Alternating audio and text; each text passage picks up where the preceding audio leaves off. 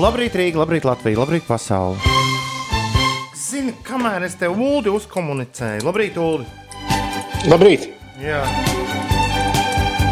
Uldis tā kā pilnīgi no jaunas faksa mašīnas skan šorīt. Jā, var dzirdēt, kā viņš vēl. Izklausās, ka tu neesi iesprūdis savu mikrofonu, bet runā no kaut kurienes citurienes. Nu, man nav lielā mikrofona, man ir tikai šis mikrofons. Es... Mēs varam pamēģināt, tagad ir viens mikrofons. Ne, ļoti tu atsvai, ja, ja līdz tam vienmēr no mājām tu izklausies. Šorīt tu izklausies ļoti svaigs, kas man ir ļoti iepriecina. Ah, nu labi. Klausieties, draugi, man, man bija ļoti dīvains, bet realistisks sapnis. Piecēlē kārtējo reizi svinēja dzimšanas dienu, un mēs bijām uztaisījuši studiju Rīgas Botāniskajā dārzā. Baigais sapnis tev. Un uh, dziesmu kaste, ar kuru bija mums jāspēlē rīti, bija pavisam savādāk nekā tā ir šeit studijā. Un mm. bija ļoti grūti tajā saprakstīt nepieciešamās dziesmas. Tas ir galvenais, ko es atceros, kā tas parasti ir nu, tādos sapņos, no kuriem tu īsti netiec ārā. Baksti, baksti, bet nekas nenotiek. Baksti, baksti, bet nekas nenotiek. Baksti, baksti, bet nekas nenotiek. Labi, ka tas bija tikai sapnis. Ir pirmdiena, 27. jūlijas. Uldim pēdējā nedēļa pirms atvaļinājuma. Juhu! Kā tu jūties, draugs? Nu, jāatzīst, ka mazliet gaidu to. Īpaši pēc vakardienas saulainās dienas, kad sanāca tāda nu, ļoti forša brīvdiena. Bezrūpīgi, mierīgi bija cēsīs, un tā, nu, labi, par to vēlāk. Bet, jā, ir tāda sajūta, ka, nu, ka principā vajadzēja, būtu bijis pareizāk pēc mūsu grandiozās jubilejas sākt atvaļinājumu. Nu, nezinu, Varbūt arī vēl pēdējā nedēļa vēl viss nokops visu un tā. Un tad, Šī nedēļa vēl izskatās diezgan lietaina. Es tagad skatos prognozēs. Bet nākamā nedēļa izskatās, nu labi, ne ar gluži plus 27 grādiem, kā šodien, šodien mēs to vēl piedzīvosim. Bet nu, vismaz nav lietus lāses, un man jau liekas, ka tas labi iedegušam ķermenim Rīgas tajā te pludmalē ir jau vissvarīgākais. Uldim šodien mikrofons tik labi uztver pilnīgi visas iespējamās skaņas. Es dzirdēju, kā tu samaisi sev tēju. Vai kafija? ja? Vai kafija? Jā, oi! Šo, šo var ļoti labi dzirdēt. Skaidrs, tad man jāuzmanās ar, ar nezinu, čīkstēšanu. čāpstināšanu. Nav, nav, iedomājies, nav. Jebkurā gadījumā ir. Uh, Uldi, tev būs tā iespēja. Es šorīt braucot uz darbu, sapratu, ka man tas ir secens šogad. O, bet tu, tev būs iespēja aiziet, aiziet savā atvaļinājumā piekdienā, redzot sauli agrā rīta stundā un atgriezties atpakaļ brīdī, kad, tad, kad tev būs jāceļas augšā, tās vairs tur nebūs. Parasti, kad mēs ejam atvaļinājumos pēc savu kalendāru, tieši tā, tā tas arī sanāk. Jo Uldis ir ļoti uzcītīgi pēc tā, kā mēs parasti būtu gājuši. Bet ieradās tas tur čalis ar 19. ciparu un es te ārā sagrieza visu pasauli. Un, un, un es, es atzīšos, nu nav manā dzīvē nekāda jēga doties nekādos atvaļinājumos. Tāpēc arī ar jums kopā uzticīgi būšu līdz 24. augustam. Ines ar mani kopā vēl te padzīvosies. Nu, vēl divas nedēļiņas.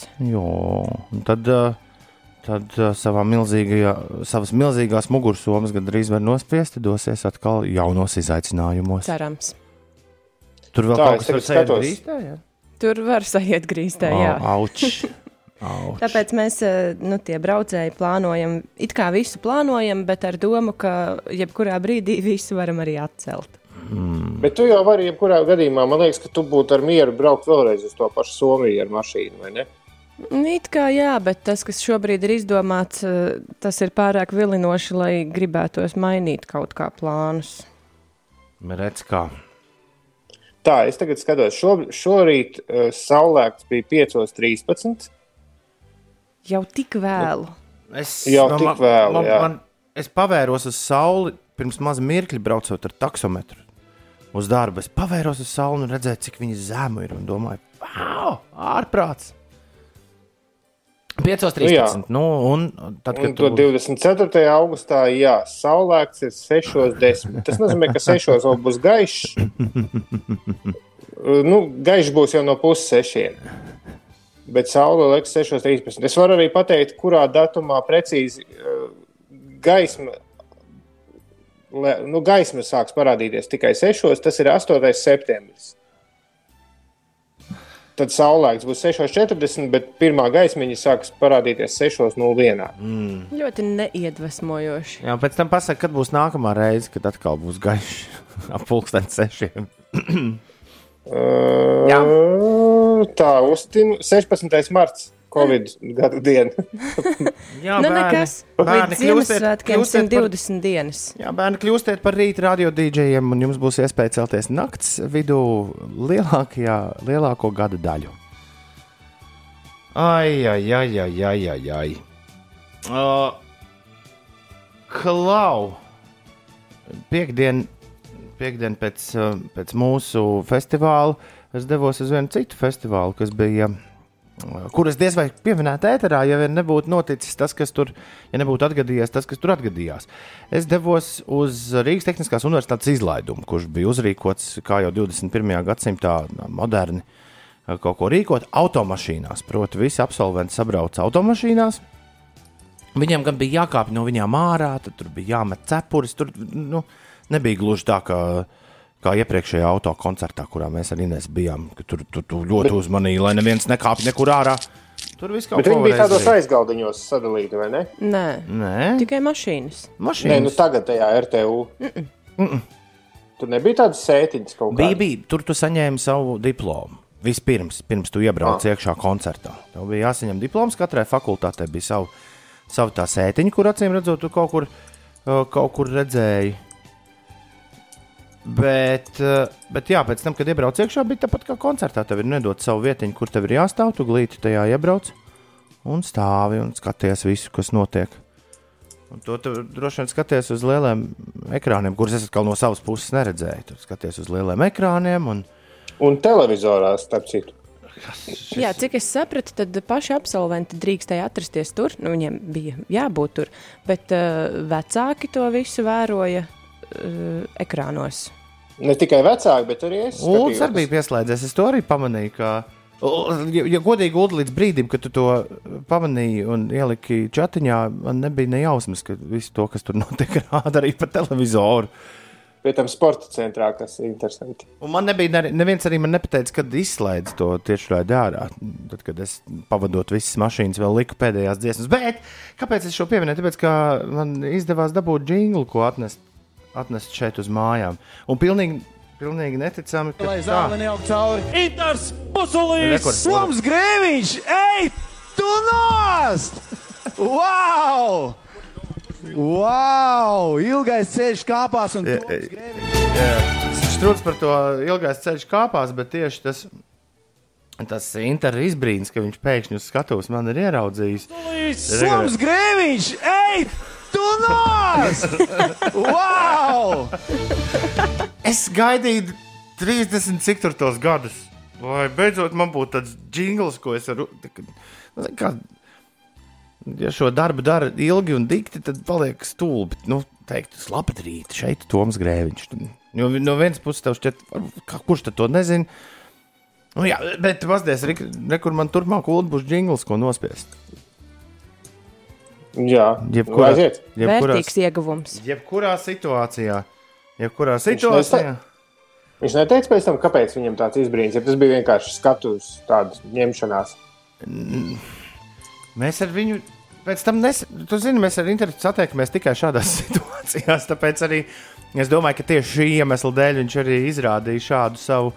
Uh, savu reakciju, bet pat- patiesībā tas ilgais ceļš kāpās, par ko viņš tur runā tālāk, tas bija visam pie vainas. Jo uh, parādu, šajā izlai, šādos izlaidumos viena no būtiskākajām DJ lietām ir tāda, ka uh, kamēr tur viss notiek, viss, kas no tevis ir nepieciešams, tu spēlē instrumentālu mūziku, dažne dažādu instrumentālu mūziku, un tā virza to pasākumu uz priekšu. Un pirms tam es jau tur biju iegājis tādos kārtīgos piekdienas vakara ritmos, bet es domāju, nākas Inters Busulis, nu vajag kaut, kaut kā izjokot veco zēnu. Un es uzliku no, ilgā ceļa kāpās to galveno tēmu, kur Rēmons Pauls spēlēja. Man liekas, nu, tas tik, nu, savā ziņā tik uh, klišejiski, nu, ka Inters varētu ar, ar šādām skaņām uzrasties. Un, ziniet, kā tur jūrmāla un Rēmons Pauls, un nu, tālāk katram tur asociācijas savas Jā. droši vien raisās. Nu, un man izdevās viņu, viņu tā teikt, uh, Paņemt. Nu, jā, uz lielo izbrīnu. Es te visu laiku meklēju savā mūzikas mašīnā, gandrīz tāpat kā pie, tajā sapnī. Grūti atrast kaut ko. Bet, bet jā, melodija ir šī. Un Inters Busuls tāds laivīgs uznāca, bet visu laiku tā diezgan paskaļš. Viss skan fonā, kamēr viņš tur ņemas ar, ar, ar rīta cilvēku no citas radiostacijas. Un tad pēkšņi viņš pagriežas un ieraudzīja mani. Mums grēviņš! Ej, nost! Wow! Wow! Ilgais ceļš kāpās un Toms Grēviņš kaut kas te nelīmējās kopā. Darbie draugi, šeit es Inters Busuls. Jā, jā, un tad aiziet. Aiziet tālāk koncerts.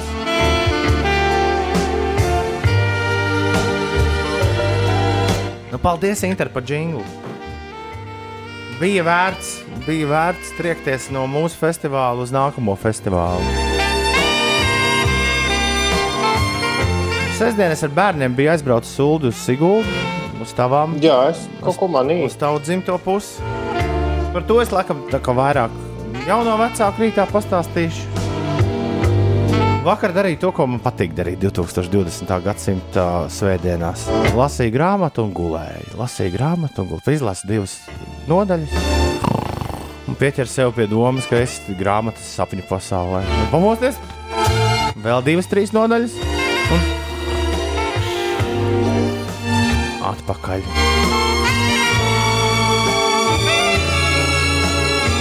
Un Uz šīm te Un es dramatiskajām Nē, nē, es klausījos, es pabeigšu. Es klausījos Bobu Dilanu un noliku viņa. Man ir tāds plauktiņš, kur viss ir man Karote. zināmā kār, kārtībā. Nē, es noliku to Bobu Dilanu boxetu Johaidī virsū darba apliecībai un etalonam. Un šī iemesla dēļ šorīt visa dzīve aizkavējās par 15 minūtēm. Kurš duraks pārkārto lietas savā skapītī, ne bet plauktiņā, kur viss ir nolikts nu, konkrētās vietās? Nā! Tu, tu tas bija vai kāds Nu, cits? skaidrs, ka es. Tad Cits. Labi, tu teici, ka uz šīs romantiskās nots, kas mums jāizdara. Nē, es gribēju zināt, vai tev kaut kas bez bērnu lietām sakarā vēl par Siguldu stāstāms. Nē, šķiet, ka nē. Par tirgu vai par ko. nē. Tas viss ar bērniem saistīts. Skaidrs. Bet, Bet jūs jā, bijāt tāpat vienkārši bet- aizbraukuši. Bet, ja? jā, jā, bet Sigulda neticam. Kad, kad, e, labi, iepriekšējā reizē es tur biju uz tavu džēza koncertu, tur es pavadīju nu, tikai no stācijas aizgāju uz, uz, uz koncertu zāli. Bet iepriekš mēs bijām nu, pirms kādiem diviem gadiem, šķiet, jā, uz Siguldu aizbraukuši. Un, un, un man bija sajūta, ka pēkšņi pilsēta tur divu gadu laikā ir vienkārši pārvērtusies. Uz la- labo pusi, jā. Bet nu, ka tā, wow! Pilsēta cilvēkiem tā tur izskatās. Nevis kaut kam citam. Nu, tā. Tālāk, jā, Ulu, var lepoties, no kurienes tu nāc. Mm, Uh, Uldis ir mājās, jā, diezgan loģiski. mm, Joprojām uh, nekas nav mainījies. Divi tā mēs šeit drīkstam, drīkstam būt. Ah, tajā sapnī Ulu mēs bijām trijotā no rīta ēterā. Visi atkal kopā. Oh, ja? Jā, Man bet, ir viens ļoti skumjš stāsts par šo sapni. nu, nu. Un Vakar nācās izsviest ārā divas pīrādziņas. Jā, jā, es zinu, food waste un kas tur vēl, bet uh, mums bija, mūsu kolēģi bija sapnī sarūpējis tik daudz visādi garšīgu lietu. Un pīrādziņi bija mm, mums katram divi, un apēdās tikai pa vienam, un tad es tos atvedu mājās, bet tad es aizbraucu prom no Rīgas, un pīrādziņi palika mājās, un atgriezos vakardien, un sapratu, ka tie vairs nav Ai, ai, ai. pirmā svaiguma. Es teikšu, ka Tāds, jā. man šie pīrādziņi stāvēja ik pa laikam prātā. Es atceros, ka mēs apēdām tikai pa vienam, un, un Oh, tu visu pārējie- nedēļas nogali domāji, Tie zuldis tos divus pīrādziņus būs apēdis vai nē? jo man mājās nebija pīrādziņi. Ai, kas bijis, tas bijis. Bet tu esi tagad, šodien un te. Un tas, jā, jā. Ko tu dzirdi rīt, radio ir pusseptiņi no rīta. Cēlies augšā! Today very lucky. Congratulations me! Yay! Jā, bet šodien būs tīri laki. Kā es jums saku, šodien liela diena. Martai, Ditai un Ditai ir vārdu svētki. Viņām sveiciens. Naktī un no rīta vietām rietumu, pēc naktī. No rīta vietām rietumos, no dienas vidus centrālajos un austrumu rajonos lietus, pērkona negaiss ar stiprām lietusgāzēm. Šodien gaidāms lēns vējš, negaisa laikā brāzmains. Naktī vietām dūmaka bija. Šodien gaisa temperatūra būs plus 22, plus 27, kur zemes piekrastē plus 19, plus 22.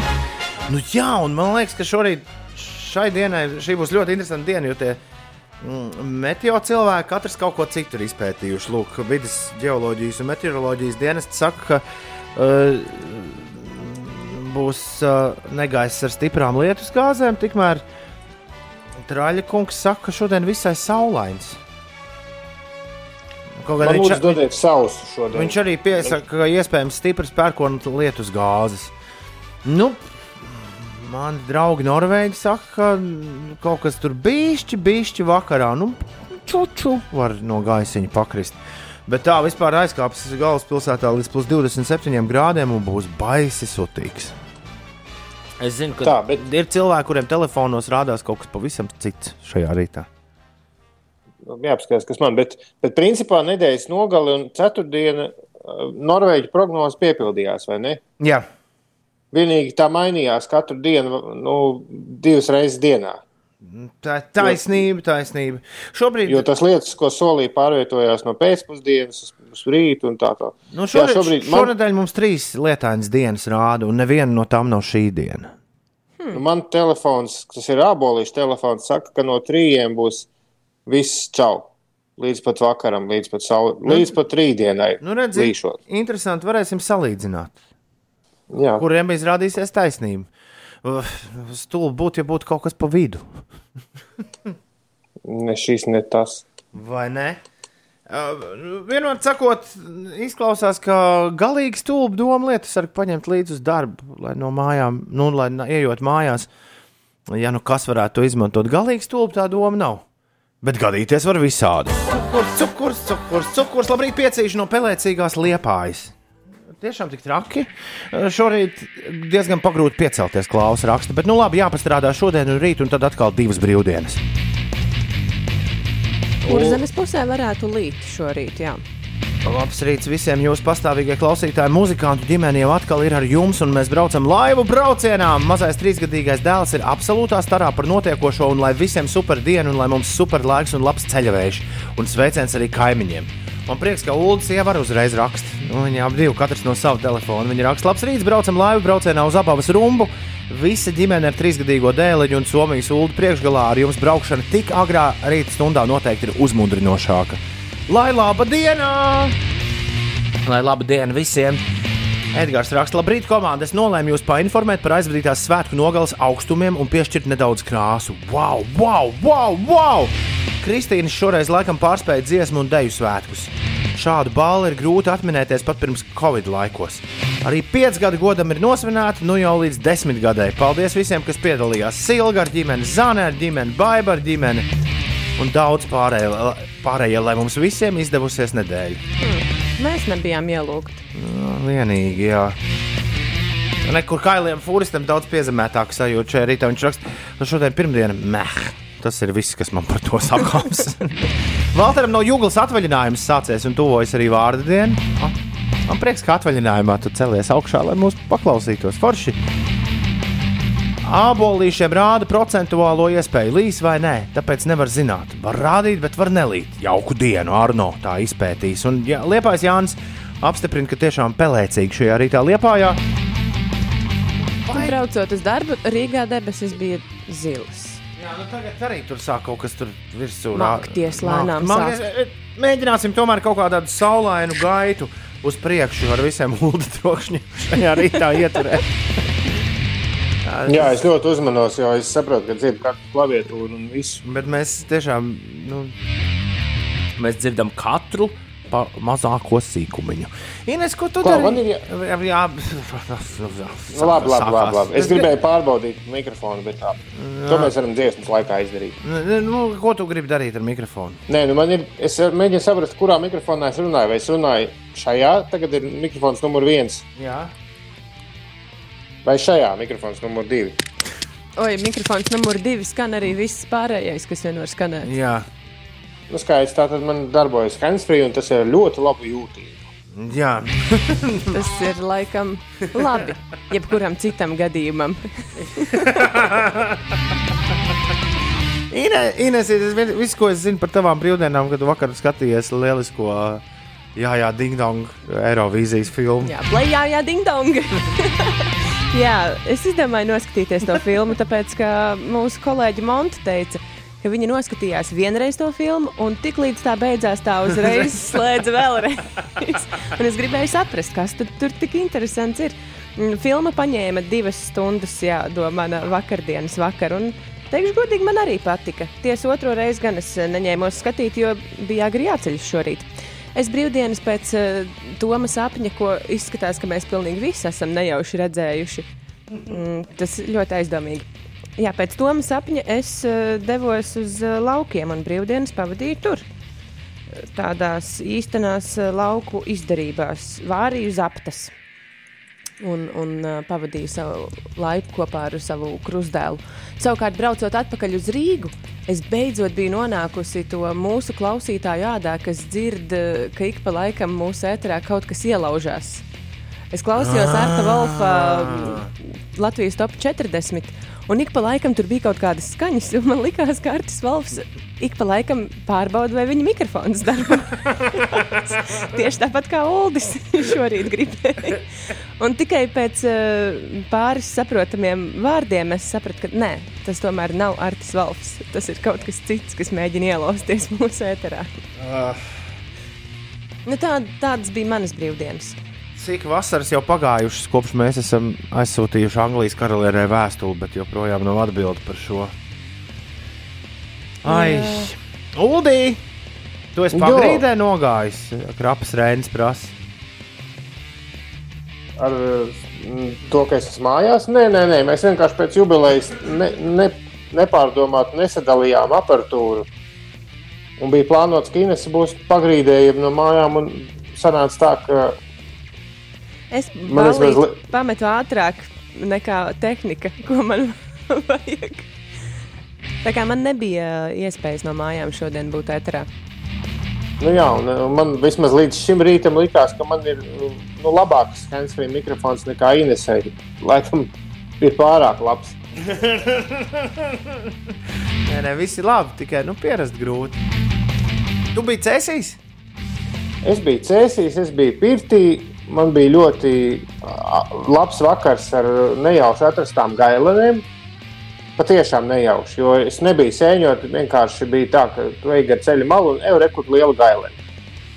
Un tad ielienot mežā, vienkārši tika sameklēts vēl kāds pārdesmit gailēns un sanāca beig beigās tāds tīri labs maisiņš kārtīgai sēņu vērcei. Bet, bet tas bija smieklīgi, jo tā ne, es tiešām to neuz, nesaucu par sēņošanu. Tas bija tā, atrodam vēl kādu sēni, ārē, kur ir. Nu, vēl kādu ārē, kur ir. Bet tā laikam tas notiek. Un tad visa, jā, un tad visa naktis pagāja līdz kaut kādiem trījiem, meklējot nelaimīgo komēdiju. Es arī mēģināju saskatīt, to atradi. Nu, zin, kā, man laikam man tomēr bija kaut kāda koka priekšā, jo es atradu, pat ar binoklu skatījos, es atradu to punktiņu, kam jābūt komētē pēc kārtas. Bet nu, to asti saskatīt nekādu neizdevās. Līdz ar to es, es it kā esmu redzējis, bet, bet tomēr neesmu. Bet, bet uh, to visu izskaistina otrā pusē redzamais Jupiters, uh, kas tur vēl bija. Uh, Saturns, laikam, viņam blakus šobrīd, un arī kas vēl tur lien ārā, dažas planētas ļoti spilgtas. Tad es redzēju starptautisko kosmosa staciju, kas neticami gaiši pār, pārlidoja pāri. Apmēram ap 11. vakarā. Un vēl redzēju pāris ļoti spilgtas krītošās zvaigznes. Tā kā naktis ļoti piepildīta astronomiski. Sapratu, jūs zinājāt, ka to starptautisko kosmosa staciju, šis man es nebiju aizdomājies vienkārši. Uh, ir kaut kāds vien, viens laiks vakarā, kad viņi pārlido pāri, nu ne gluži pāri, bet kaut kur apmēram dienvidu pusē. Ļoti, ļoti spilgta. Un viņai viens aplis ir, man šķiet, kaut kāds stundu apmēram viņa lido apkārt zemeslodē. O, Vai 40 minūtes, vai stundu 40, es neatceros. Bet, bet tās pārējās reizes naktī tu neredzi. Zini, kāpēc? nu, nu. Nav, nav saule, kas atspīd. Nu, zeme, pa, zeme priekšā. Nu, Loģiski, Tā- jā. Jā, bet es kaut kā šo nebiju aizdomājies. Es domāju, domāju nu, tūlīt pēc stundas vēl, vēl nākamā reize skatīšos. Aha, lika pagaidīt. Ines, Zeme priekšā un viss. nolasa Oskara izziņu. Oskar īziņu. Šķiet, ka Oskars arī ir redzējis Eirovīzijas filmu, un viņš saka, lai mēs aizveramies un beidzot uzliekam, jā, jā, ding dong. Aiziet, liekam augšā.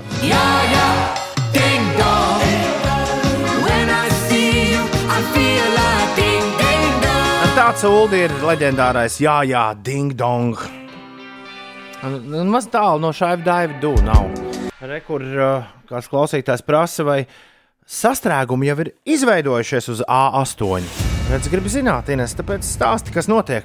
Nu, es teikšu tā, uz A8 vēl sastrēgums tomēr nav. Mazliet vajag pagaidīt, tad gan būs, kā jau katru rītu. Bet eh, par citām aktualitātēm. Nacionālās basketbola asociācijas klubam Dallasas Mavericks eh, aizvadītajā naktī bija paredzēta pārbaudas spēle pret Indiānas Pacers. Tajā taču nepiedalījās Latvijas basketbolists Kristaps Porziņš. Kā pavēstījis Dallasas kluba treneris Riks Kārlēls, Porziņš pārkāpis līgas noteikto burbuļu protokolu un nav veicis obligāto Covid-19 testu, tādēļ spēlē viņš piedalīties nevarēja. Maveriks ar rezultātu 111 pret 118 zaudēja Pacers spēlētājiem. Par sastrēgumiem un Rīgas ielām un to, kas eh, ielās notiek. Rīgas ielās aktīvi turpinās ielu remontdarbi un šodien uzsāks brauktuves un ietvju atjaunošanas darbus Bruņinieku ielā. Tur tāpat kā sporta ielā pilnībā nomainīs ietvju un brauktuves segumu, ierīkos divvirzienu velo infrastruktūru, atpūtas zonas ar soliņiem un puķu podiem. Atgādināšu, ka vēl joprojām norisinās remontdarbi Čakielā. Tie patiesībā risināsies diezgan ilgi. Vēl par aktualitātēm pašmājās laikā no šodienas līdz 31. jūlijam Latvijas izpletņu lēkšanas federācija plāno uzstādīt Latvijas izpletņu lēkšanas rekordu. Gaisā virs lielvārdas izveidojot zvaigznes figūru no 30 cilvēkiem. Wow! Varbūt tā attālināti to varēs eh, kaut kur lielvārdas tūmā redzēt. Sveiciens sieviņai Baibiņai, lai labs brauciens uz darbiņu viņai. Ārčīs atkal ir Lietuvā, lai jauka jaunā darba nedēļa visiem. Lai jauka ārčija un baibiņa jums ar dienu. Un sensīts Dainis ļoti vēlas nodot savam dēlam Salvim izdošanos šī rīta operācijā, lai salabotu kājas, saites un menisku. Salvīt viss būs štokos, turies dēls. Jā, turies. Nopietna lieta, bet eh, ko vajag, to vajag. Vineta Ulda ir atrakstījusi, ka viņai pagājušā nedēļa bija smaga ģimenē, sāpīgs zaudējums, un tajā pat laikā tas man liek saprast, ka dzīve jādzīvo pa īstam. Viss notiek tā, kā tam jānotiek, un tikai mēs paši varam ko mainīt. Šķiet, ka Fulfighteriem to lieliski izdodas izdziedāt. Un paldies, un jauku dienu jums! Paldies, Vineta, un lai jauka diena arī tev! Dēmba apstiprina, ka A8 ir ok. Kā jau, kā jau Ines minēja, ja vien smagie un autobusus nevilktos. Un Dadijs sūta bučiņas Emīlam. A, ne, Laura tā ir. tā ir Laura. Bučiņas Emīlam, lai veicas šodien darbiņā. Interesanti, kā Laura dabūjusi Es, savu iesauku Ne, darījis. kāds te mums ir saču- sacūkojis īziņu mašīnā, sarakstījis anonīmajiem cilvēkiem vārdus no viņu pirmajām īziņām. Un Laura pirmo reizi mums rakstot ir prasījis Dadija Jankī gasolīnu. aha. Diez kurš neģēlis tas ir bijis? Nav nejausmas, nav nejausmas. Šobrīd esot īstais laiks pārvākties uz dzīvi Ņujorkā. Tu smīdini mani, vai? Nu, uh, finansiālā ziņā tā redz raksta. Jā, re- Cilvēki no Ņujorkas esat riktīgi zemes īres cenas. 2004. gada līmenī Ines no, noslīdējušas. Iedomājies, Nu, dažos, dažos gadījumos. 16 gadu uz leju. Oskars prasa, kas tur ar kanjē albumu? Mm, tas, ir, ir tas ir labs jautājums. kas ir ar kanjē albumu? Sestdien no rīta es atcerējos, ka, ej, tajā brīdī, kad man sāka Grēviņa kundze stāstīt par, pie tā mēs vēl nonāksim par Taylor Swift un Boniveru. Bet, uh, jā, es atcerējos, ka pagaidi, bet kanjē albumam te kaut kur bija jābūt. Un, uh, un tā arī kanjē albums, nu, kārtējo reizi ir, atcerieties, tas tā labā latviešu, latviešu tautas pasaka par Pēterīti, kurš skrien un sauc vilks aitās, vilks aitās, visai skrien skatīties. Bet es- Nav nekā. Es nezināju, ka Kaņē ir kaut kāds naids ar Tayloru. Jā, bet tam īsti šobrīd nav sakars ar to, kas ir. Nu, Daily Mail uzskata, ka ir gan. Tiešām, ja? Esot- Teilora gan savu Viņš- albumu izdeva. Nē, Jo bet Taylor ceturtdien paziņoja, ka viņi Ne- metīs ārā. Tayloras albums bija absolūti negaidīts pasākums. Pasaules mūzikā, jā, viņi to bija ļoti labi noturējusi. Nevienam neko nesaka, un teica, tā, šī ir albums, lūdzu. Kamēr Kanjēta bija, vai ne, pasties veselu prezidenta aģitāciju veicis savai platē. Un Daily Mail domā, ka tāpēc Kanjē atcēla savu albumu izdošanu. Nu, vai nu atcēla, vai viņš, ir, nu, viņš raksta, ka viņš vienkārši nokavējis to pusnakti, kad ir jāiz, nu, kad ir jāieliek. Tā varētu būt. Aizsēdējās pie televizora vai Twitterī. Oh, my God! Klausījās Tayloru. Viņam, sa- viņam saka, bet, ka viņš prasa droši vien kalpiem. Kāpēc jūs neatgādājat, tad jūs teicāt, lai jūs netraucē? Vai pulkstenis, cik ir pulkstenis? Ko es esmu tādu svarīgu Aizmirsis. aizmirsis? Nē, nu kā, uh, Kaņē un Swifts konflikts ir tikai un vienīgi Kaņē pusē. Kaņē tur viņai Grammy ņēma nost. Viņa vienreiz saņēma Grammy, un Kaņē uzkāpa, atņēma. Viņai teica, ka šito nedrīkst viņu paņemt, jo Beyoncé ir daudz, daudz Ah. talantīgāka meitene, un viņai ir jāsaņem šī balva. Un Taylor stāvēja un skatījās ar tādām acīm, ka- Viņš, for reals! Jā, viņš ir tas lielais zinātājs, jā. ko nu kurš ir pelnījis. Un tad Taylor izdarīja, pak, pak, pak. Kaņē izdos albumu. Klausies, Boniver, varbūt mēs varam arī kaut kādas dziesmas te ātri sariktēt. Man tas Taylors albums tā arī izklausās, ka viņš ir ātri. Domā, nu, viņi, es saprotu, ka to taisīja pandēmijas laikā, esot mājās, vai tad ne? Jā, man liekas, šis ir tieši tas stāsts, kur mēs turpmāk dzirdēsim par pilnīgi ikvienu mūzikas albumu. Jā, Wow, bet šis wow, ir pirmais pandēmija. Taylors albums, par ko es esmu dzirdējis labas atsauksmes. Okay, mēs, Nu, kaut ko, mē- mēs pavisam, pavisam drīz kaut ko no Tayloras jaunā albuma paklausīsimies. To es jums apsolu. Kanjē iet sviestā, idiokrātija. Susurs raksta, dzīvosim patiesi šodien. Vienojamies šajā sauklī, dzīvojam patiesi šodien, šajā dienā, 2020. gada 27. jūlijā. Ar tevi kopā Latvijas Rādio 5,5 LV. Šis ir raidījums 5 rītī, labrīt, visapkārt. Nu, nedariet tā kā Salvijas dara. Viņš raksta, A8 ir kungā izbraucams. Uldim kaut kas ar mikrofonu nav. Izklausās, kā caur padus runā. Ja jūs zināt, ko jūs, ja jūs, zināt, ko jūs Uldim nodarāt šādi rakstot, Uldis ļoti pārdzīvo katru cilvēku, kurš tā, atraksta. Es nepārdzīvoju par cilvēku, es pārdzīvoju par to, ka mikrofons neskan, bet eh, mums nav, man nav mājās profesionāls studijas. Līdz ar to es šobrīd esmu no parastas telefona austiņas. Nevar teikt, ka es esmu ar mikrofonu. Galvenais, ka var saprast, ko Uldis saka, tas ir tas šajos attālinātajos laikos mums ir vissvarīgākais. Vai ne? Jā, nevajag, nevajag raudāt. Jā. O, vakar beidzās, rekor, vakar beidzās lielais angļu futbols. Beidzās jau ļoti patīkami man. Citiem atkal mazāk patīkami. Vakar eh, Premjerlīgā nospēlēja pēdējās eh, spēles, vēlējos par to eh, nedaudz, nedaudz papļāpāt. Jā, nu tur pēdējā brīdī es saprotu, ka tieši lejas galā asi notikumi norisinājās, un tur pēdējā brīdī rīktīgi nebija vēl līdz galam skaidrs, kurai no četrām sliktākajām komandām, ne, nu, Četrām nu, jā, sliktākajām. kurām izdos, kurai izdosies izglābties. Beigās Londonā Astonvilla izglābās Bornemosu, Watfordu un Norviču aizsūtot tālēs zilajās. Savukārt, uh, savukārt jā, Manchester United ar 2-0 uzveica Leicester, līdz ar to viņi trešajā pozīcijā visā sezonā aiz, aiz Manchester City un, protams, absolūtajiem līderiem Liverpool, kur vakar arī vēl pagū, pamanījās. Pamanījās uzvaru uztaisīt, un šķiet, ka viņi visas sezonas garumā nereiz tā arī nezaudēja. Tikai, Wow. mm -hmm, tikai pāris neizšķirtus uztaisīja 99 punktus 38 spēlēs savākt. O, Traki. šis ir jāmāk. Tā kā paskatīsimies, tā lokomotīva jau visai drīz atkal sāks no jauna braukt. Un tas man šķiet visinteresantākais skatoties uz to, kā, nu, kā tas sports kārtojas.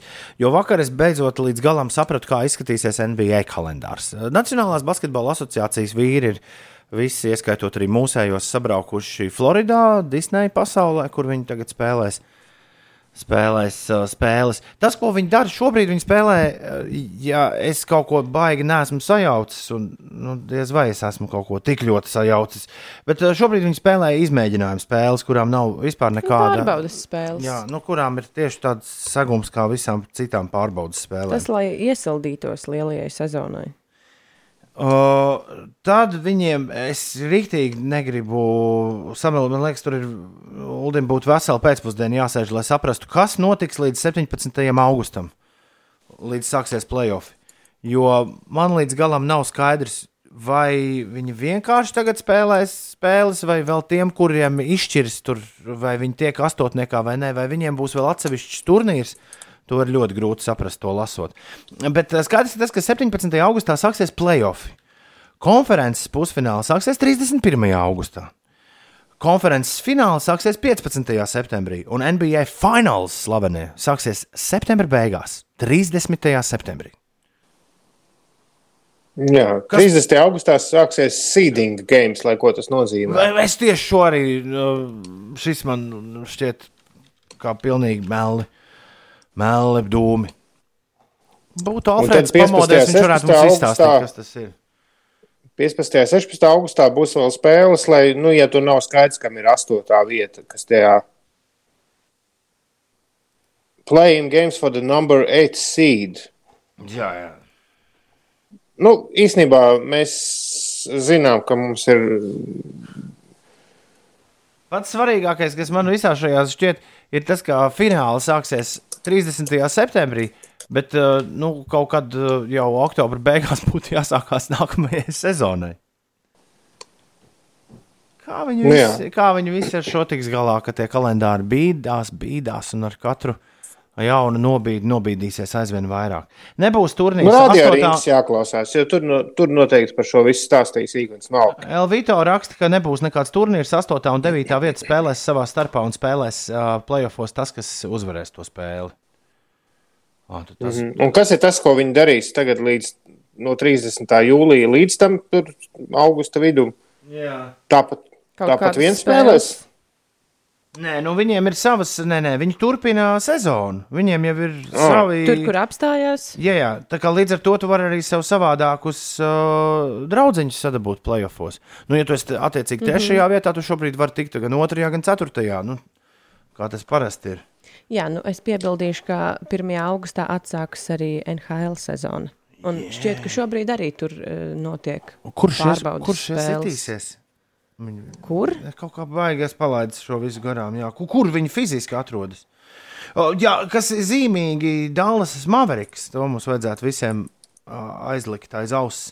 Dallas Mavericks un arī Brooklyns Nets mūsu. Un Washington Wizards. Kā ja? Jā, un uh, Brooklynas mums Nets. interesē. Jā. Visas mūsu trīs komandas nav garantējušas pagaidām sev vietu playoffs. Tā kā viņiem šis, ā, šīs spēles līdz playoffiem ir ļoti, ļoti, ļoti svarīgas. Cerēsim, ka porziņš aizies, atcerēsies aiziet uz to savu covid testu. Šis ir ļoti interesanti. Krista Porziņģim pārmet, nu tad viņu nelaida spēlēt uz laukuma vakar, vēlā vakarā, tāpēc, ka viņš nebija uztaisījis savas ikdienas analīzes. Mm -hmm. Es gluži tāpat kā tūkstošiem Twitter lietotāju vēlētos jautāt, vai tad tiešām viņiem nav analīžu menedžers, kurš tev aiz rokas aizvelk. Kas to lai zina? Bet uh, analīzes reizi dienā. Ugh. Es esmu no daudziem, kuriem ir bijusi.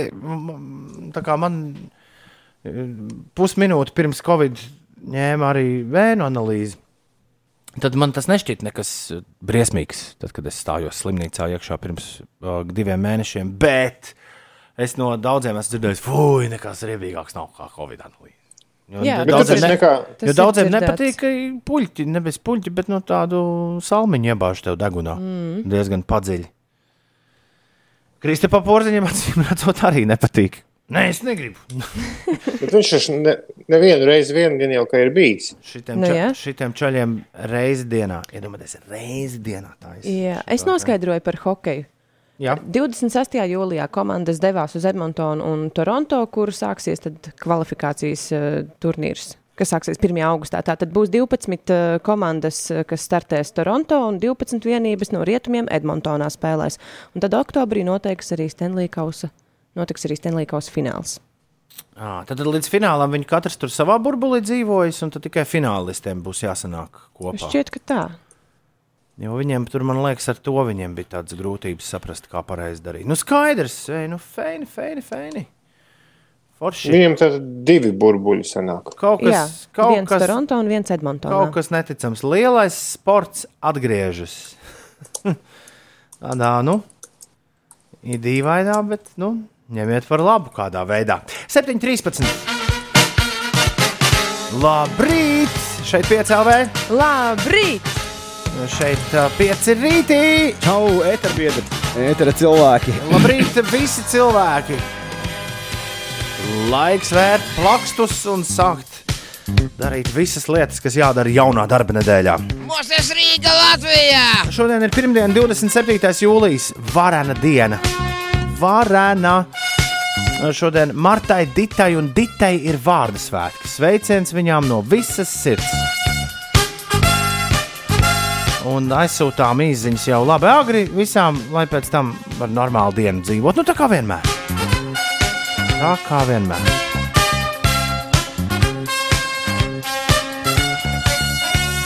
Šodien daudz laimes dzimšanas dienā jāvēl dāmai no reklāmas nozares, kas tagad ar maratoniem darbojas Ulrikai Plotniecei, volejbola cilvēkam un ulu cīņu biedram no Siguldas, Edgaram Zaizēnijam. Žaiženijam ir dzimšanas diena.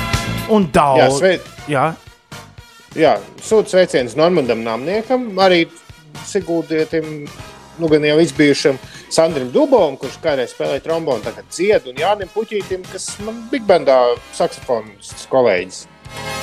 Jā, man arī pāris eh, sveicieni. Pirmkārt, eh, sveiciens vārdu dienā manai bērnības dienu draudzenei Ditai Dančauskai, un šodien arī Džeziņa Krustāvs, jeb Druvietis svin dzimšanas dienu. daudz laimes drūvieti. Klau! Un, ja nebūtu viņas, tad visticamāk. Statistika par to, ka tikai reizi dzīvē esmu no, nu, gandrīz nogulējis rīta radio, būtu krietni lielāka. Šodien kārtējo 18. jubileju svin Laura Grēviņā, Latvijas slavenā podkāstere. Daudz laimes dzimšanas dienā! Apsveikumi no mums visiem! Es piesaku bada streikus. Ja nevaru tev pieskarties, bada streikus. Pasaki vēlreiz, Ines, nu, to, ko tu man teici aizkadrā.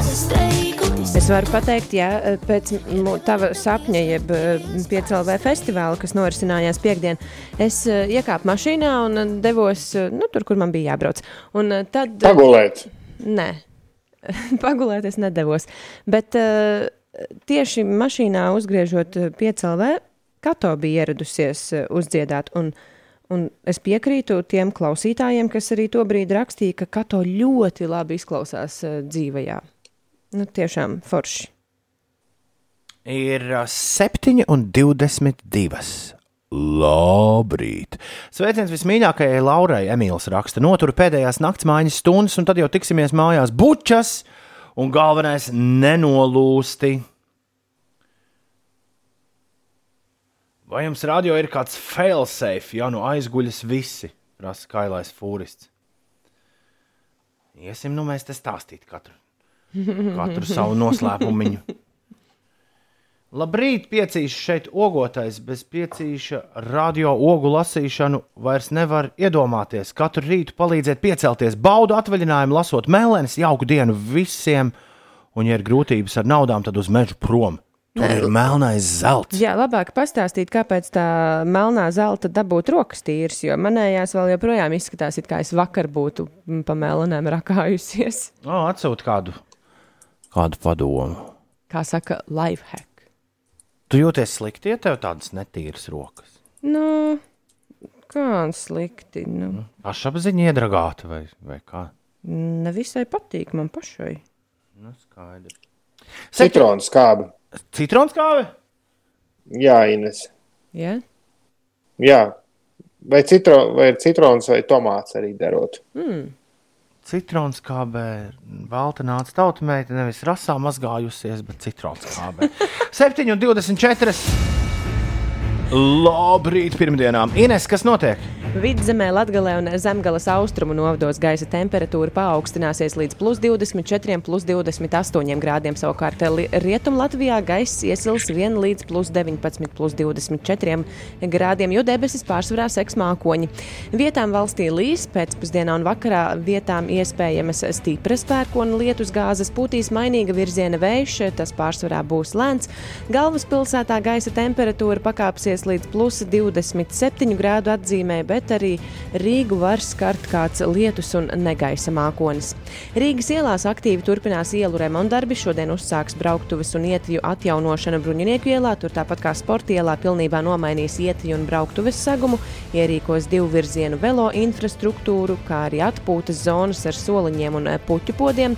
Remontdarbu dēļ šonadēļ aizvien būs palēnināta satiksme Tallinas šosejas Salkrastu apveceļa posmā un, protams, arī pa Jelgavas šoseju.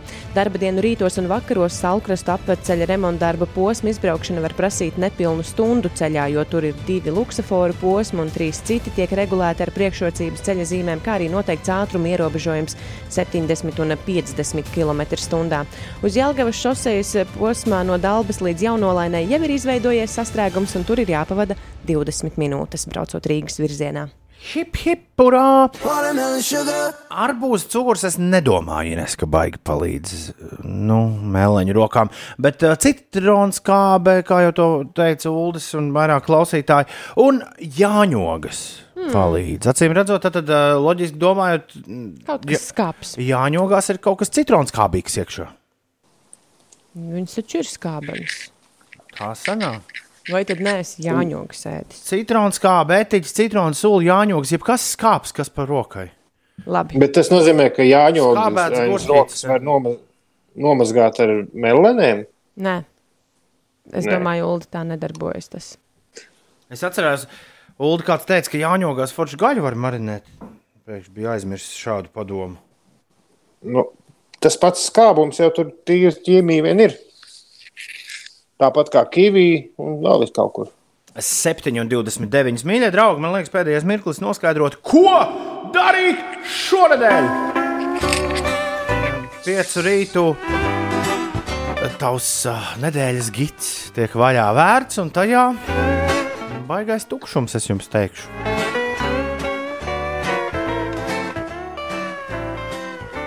Ak, tā. Un viss klusē. Šī bija rubrika, ko darīt šonadēļ. Nu, beidz, Jums ar abiem diviem kaut kas stāstāms bija. Nu, labi, tad ko es sāku? Ja? Jā, Jā, mēs jau šķiet pieminējām uh, pagājušajā nedēļā, bet var atgādināt, ka rītvakar Zintra pludmalē notiks lielisks saulēkta koncerts. Sešos no rīta ar ērģeļu mūzikas skaņām saulēktu sagaidīts pas- pasaules slavenā latviešu ērģelniece, Hamburgas Elbas Filharmonijas goda māksliniece Iveta Apkalna. Tas tā tad rīt Vai Kur tas notiks? Zintra pludmalē. Kā viņi tur ērģeles dabūs? Nu, redz, tas tur jau tas āķis. Tāpēc arī uz turieni ir vērts braukt un paskatīties, kā turieni dabūs tās ērģeles. Nu, labi. Tātad tas notiek jau rīt no rīta, nevis parīt, bet rīt, 28. datuma, 6. no rīta. Tajā pašā 28. datuma vakarā man šķiet, ka ir viena nu, ir viena pareizā vieta, kur skatīties filmu Jālgava 94, un tā ir Jālgava. Nu, ja no visām vietām jāizvēlas. Hmm. Tā varētu būt. Jā. Un, jā, un brīvdabas koncerta zālē Mītava, Pastas salā 3, nu, Pastas salā tajā, tajā aizstrādītē. Rādīs filmu Jālgava 94, rītvakar 10. vakarā un arī sestdien, 1. augustā 10. vakarā. Iedomājieties, desmitos jau tumšs, un tu esi Jālgavā un skaties filmu par Jālgavu. Viss labi. Un festivāls komēta šonadēļ.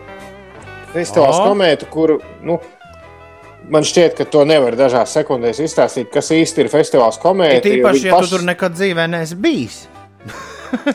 man, man tā liekas, jo es esmu tikai ar dzirdējis Mēs neviens nostāstus. neesam bijuši, ne? Bet es dzirdēju mūsu festivālā, ka Mārai Slējai ļoti patīkot komētas festivāls. Jā, Kā pie viņas par visu informāciju. Bet, to- es domāju, vai kāds pazīstams mūziķis tur arī uzstāsies.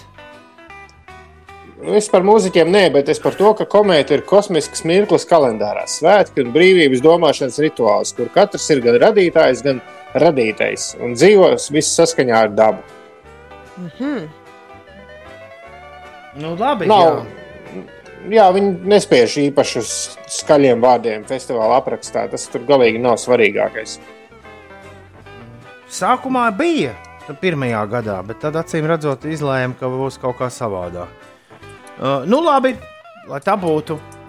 Jā, es savukārt eh, par kādu citu festivālu, tiesa, mini-festivālu tas eh, šoreiz būs, lai aktualizētu sabiedrībā mentālās veselības tēmu un nozīmību, atbalstītu viens otru, runātu par to, kas ir svarīgi un arī, lai vienkārši labi pavadītu laiku. 1. augustā notiks Ogles mini-festivāls. Tas būs eh, sporta divi kvartāls. Kur eh, no pulksten diviem dienā līdz pusnaktī notiks eh, šis festivāls. Tur būs eh, Arthurs Skutelis, Sadenlaits un vēl dažas grupas, kas padarīs dienu interesantu droši vien. Jā, biļetes vēl var iegādāties, bet, protams, saistībā ar visiem ierobežojumiem arī apmeklētāju skaits festivālā ir ierobežots. Svētdien cēsīs Valmiera MTB maratons. Jā, min. Mm. Aiziet, mountain bikisti. Tik uz priekšu. O, es domāju, uz futbolu aiziet šonadēļ. Ja? Aizmirsu, uz kuru spēli bija jāiet. Tā futbola draudziņa sauc. Jā, un, uh, un 1. augusts nāks ar visādiem jaunumiem straumēšanas servisā Netflix. Varat papētīt. Ir gan ļoti grūti saprast, kas tieši mūsu pusē no tā visa, kas tur 1. augustā nāk klāt, ir redzams, izņemot to, ko viņi paši nu, ļoti aktīvi reklamē. Būs labirints ar Davidu Boviju. Jā, sestdien to obligāti ar bērniem. Jāskatās, būs ar Džekiju Čānu, šis Rushhour 2. Zini tādu ulu. Būs, būs ninjas, bruņurupuči, būs anakonda, ui, visādas. Viņi, viņi šobrīd ir specializējušies, nu vismaz mūsu tirgū uz tādām labām 90. gadu beigu filmām, kuras tiek, kuras tiek laistas apgrozībā, un tad ik pa laikam arī uzrādās mūsu vietējā topā, augst, augstās pozīcijās. Nu, jā, vai, vai, vai, vai labām, tas vēl ir diskutējams, bet nu, vismaz zināmām. Ļoti interesē, kā vai brīvīgi interesanti ar kinoteātriem ļaudīm parunāt, vai viņiem ir kāds plāniņš. Jo rudens viņiem, man liekas, tuvojas daudz tādiem iespaidīgākiem soļiem nekā mums visiem pārējiem. Šorīt tieši lasīju vienu rakstu, kur teikts, ka, nu, ka nebūs labi tai industrijai. Nu, arī lielajā bildē, nu, ka tas izmaiņas būs neatgriezeniskas un nu, diez vai mēs tiksim atpakaļ tur, kur bijām. Varbūt arī labi, ka tā. 7,35. Šeit Latvijas Rādio 5,5 LV. Tagad mēs visi kopā zinām, ko darīt šonadēļ.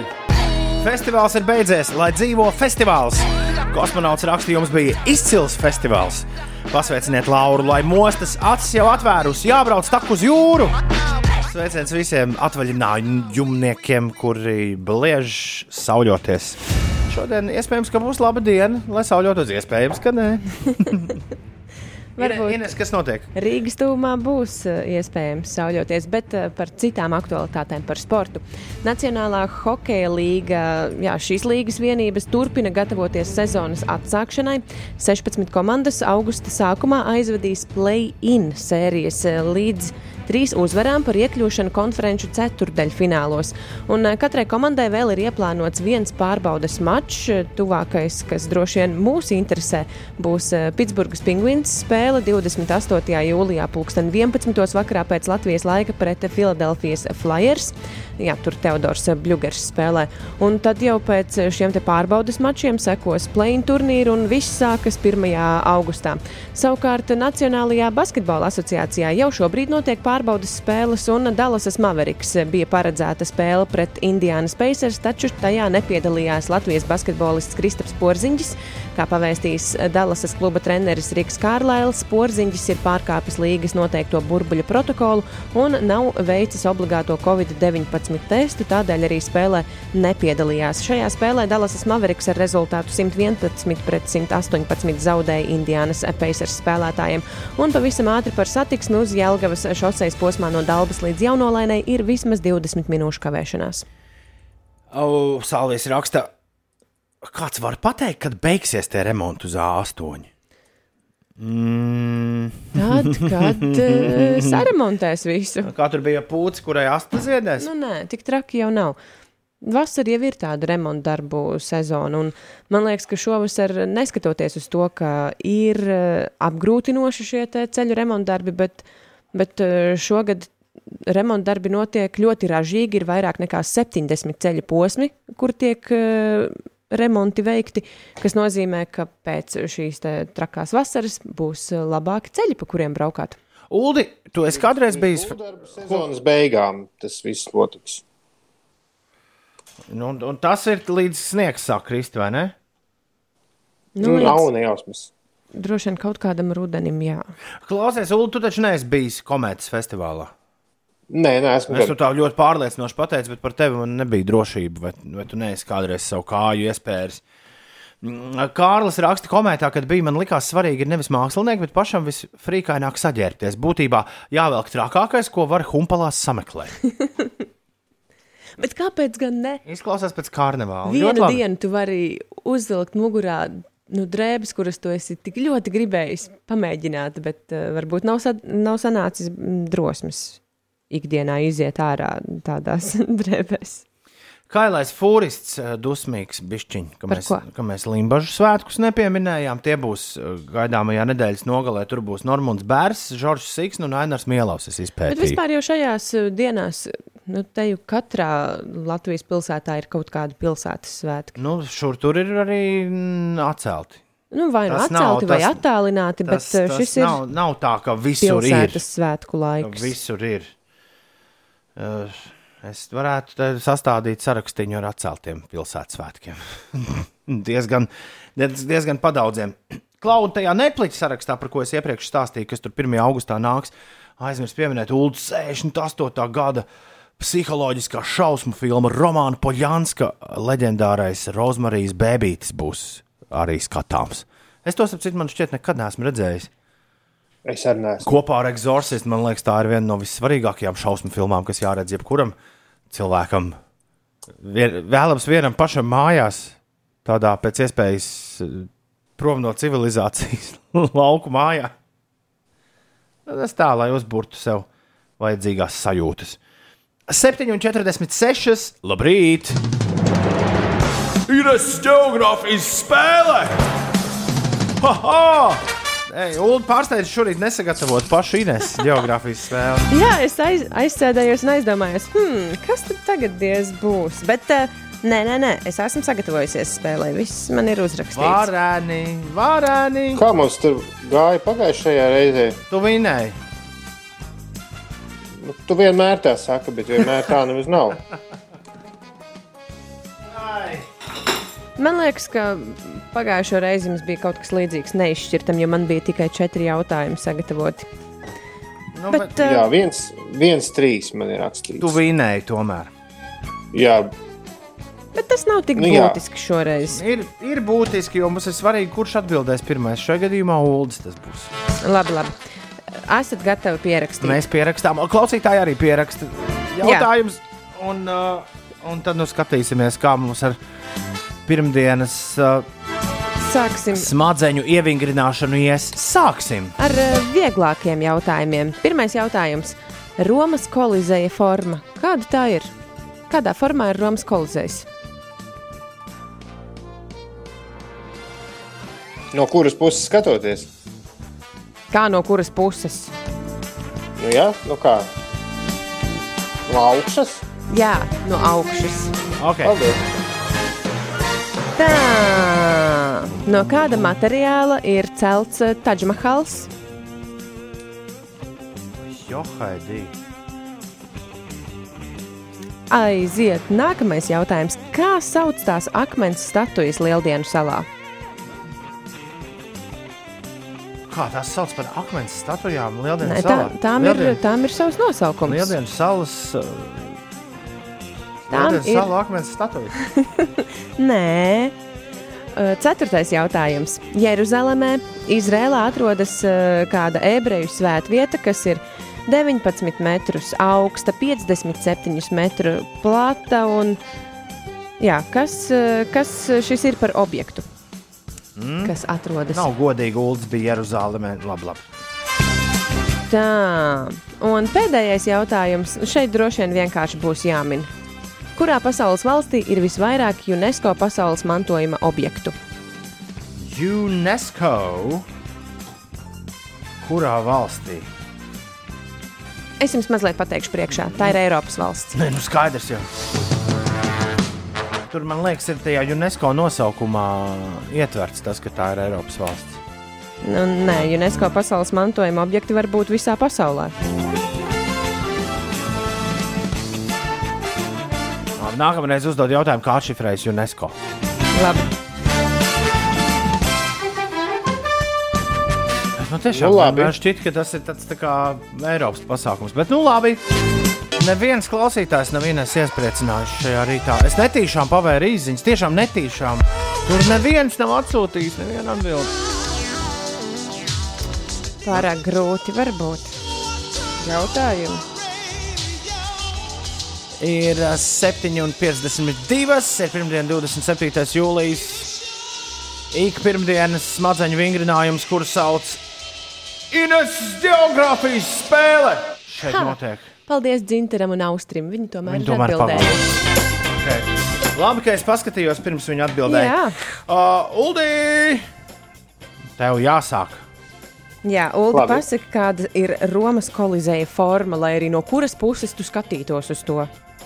Nu, nē, jo skaties no sāniem, tad forma ir citādāka.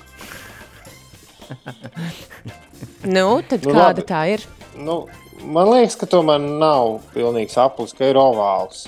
Tom? Nē, es pal... nu, stiepjos vai raujos, bet pāris reizes dzīvē tur ir būts, nu, ir tas aplis. Nē, diemžēl tas ir eliptisks amfiteātris, kas nozīmē, ka tas ir ovāls formas. Nu, cik lieliski! Jā, Cik lieliski! Nu. Apsveicu, Ulu, tevi ar punktu, sevi ar mīnusu. Jā. Labi, no kāda materiāla tad ir celts Taģmahals? Marmora. ir četri varianti. Es, man ir jāatbild, es saku, marmora. Uldi. Tad man paliek trīs varianti, jo es ņemšu kaut ko citu. Man liekas, ka tas nav marmors. Cik Nu, tad ko tu ņemsi? Kāds Ulas gudrinieks? Nu, Kāpēc man ir galvā akmens, kā, par ko es vispār neesmu dzirdējis? Bet krī- krītakmens. Tā bija pirmā doma, ko es iedomājos. Tā kā viss sasmērā, viss, viss sasmērā. Tā tad ir tava galējā atbilde. Krītakmens, lai arī kas tas būtu. Nu, labi, nē, bazalts. Un šoreiz punkts ir Dzintaram, Austrim un Tomam, jo tas ir marmors. Tik elementāri. Atspēlēja to bumbu. Mātiņš. Man marmors bija pirmā, pirmā es atbildēju variants, un es domāju, nu, nē, nu, nebūs tik elementāri. Taču. Wow, labs. Tā, kā Labais. sauc akmens statujas Lieldienu salā? Nu, tad, kad tu pateiksi, tad es kliekšu, ah, es taču zināju, bet es nevaru atcerēties. Man nav, nav ideja. Tom. Es joprojām esmu pārliecināts, ka tās ir lieldienas salu akmens statujas. Liel, Nē, nē, ir kaut kāds nosaukums. Lieldieņi, nu, kā, kā pie mums, mēs tos mēdzam saukt. Bet dzintars un austris gan Es nezinu, kā zina. viņus sauc. Nu, Moai statujas. ne, ne, nezinu, ne, nekad nepateikt. Redz, bet cilvēki citi zina. Nu, re, Labi. Klausītājiem vienmēr taisnība, klausītājs vienmēr gudrāks. To arī Ceturtais pierāda šis jautājums. raidījums katru rītu. Par to, kas atrodas Jeruzalemē. 19 metru augsts, 57 metru plats. Tas ir raudu mūris. Uldi. Jā, man tas pats. Jā, katram pa punktam. Jā. 488 metru garš ir raudu mūris Jeruzalemē. Jej! Kurā pasaules valstī ir visvairāk UNESCO pasaules mantojuma objektu? Nu, Nu, man ir atkal trīs varianti, un ilgi un dikti domājot, ņemšu uz dūlo to, kas liekas visvairāk Itālija. man arī ir pierakstīta Itālija. Es nemainīšu savus.